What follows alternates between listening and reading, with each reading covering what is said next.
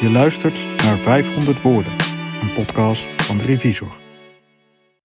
Hij groeide op tussen de paling, beesten als drogende inkt, soms met wel honderd tegelijk in ronde bassins.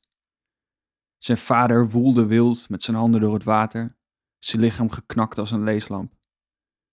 Hij heeft me wel eens verteld dat hij lang geloofde dat de beesten op die manier tot leven kwamen.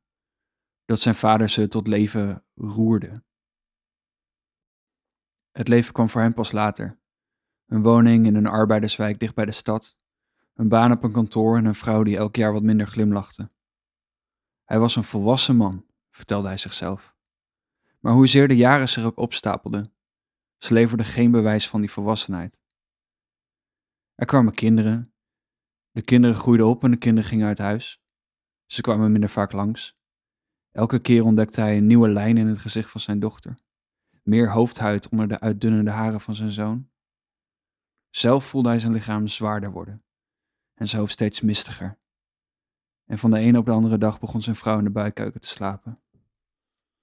Wanneer hij s'avonds uit het raam keek, zag hij de straat als een broedmachine.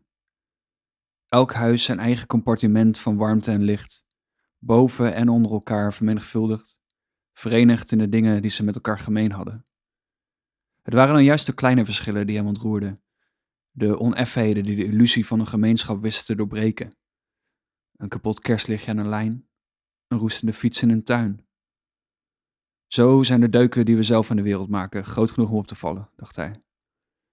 Te klein om verschil te maken. Op de ziekenhuiskamer ontsnapt er telkens een reepje licht tussen de afgedekte kozijnen vandaan, versplinterd door de fijnmazigheid van het sluitgordijn.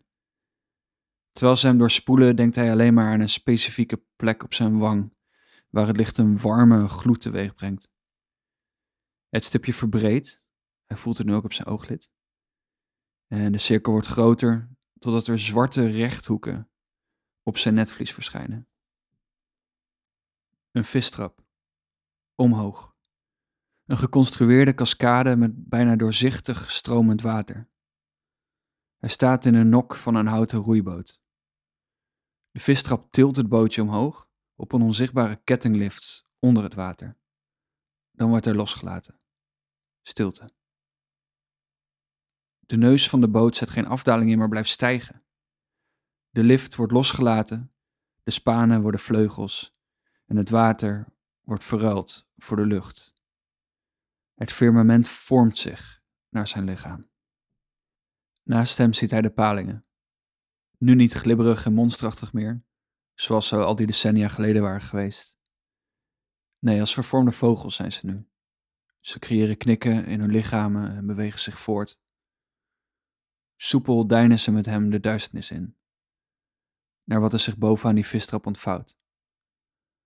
Hij verlaat de aarde, hongerig naar het volgende. De hemel doet hem watertanden. Je luisterde naar 500 Woorden, een podcast van de Revisor. Deze podcastreeks is mede tot stand gekomen door de regeling van maker tot lezer van het Nederlands Letterenfonds.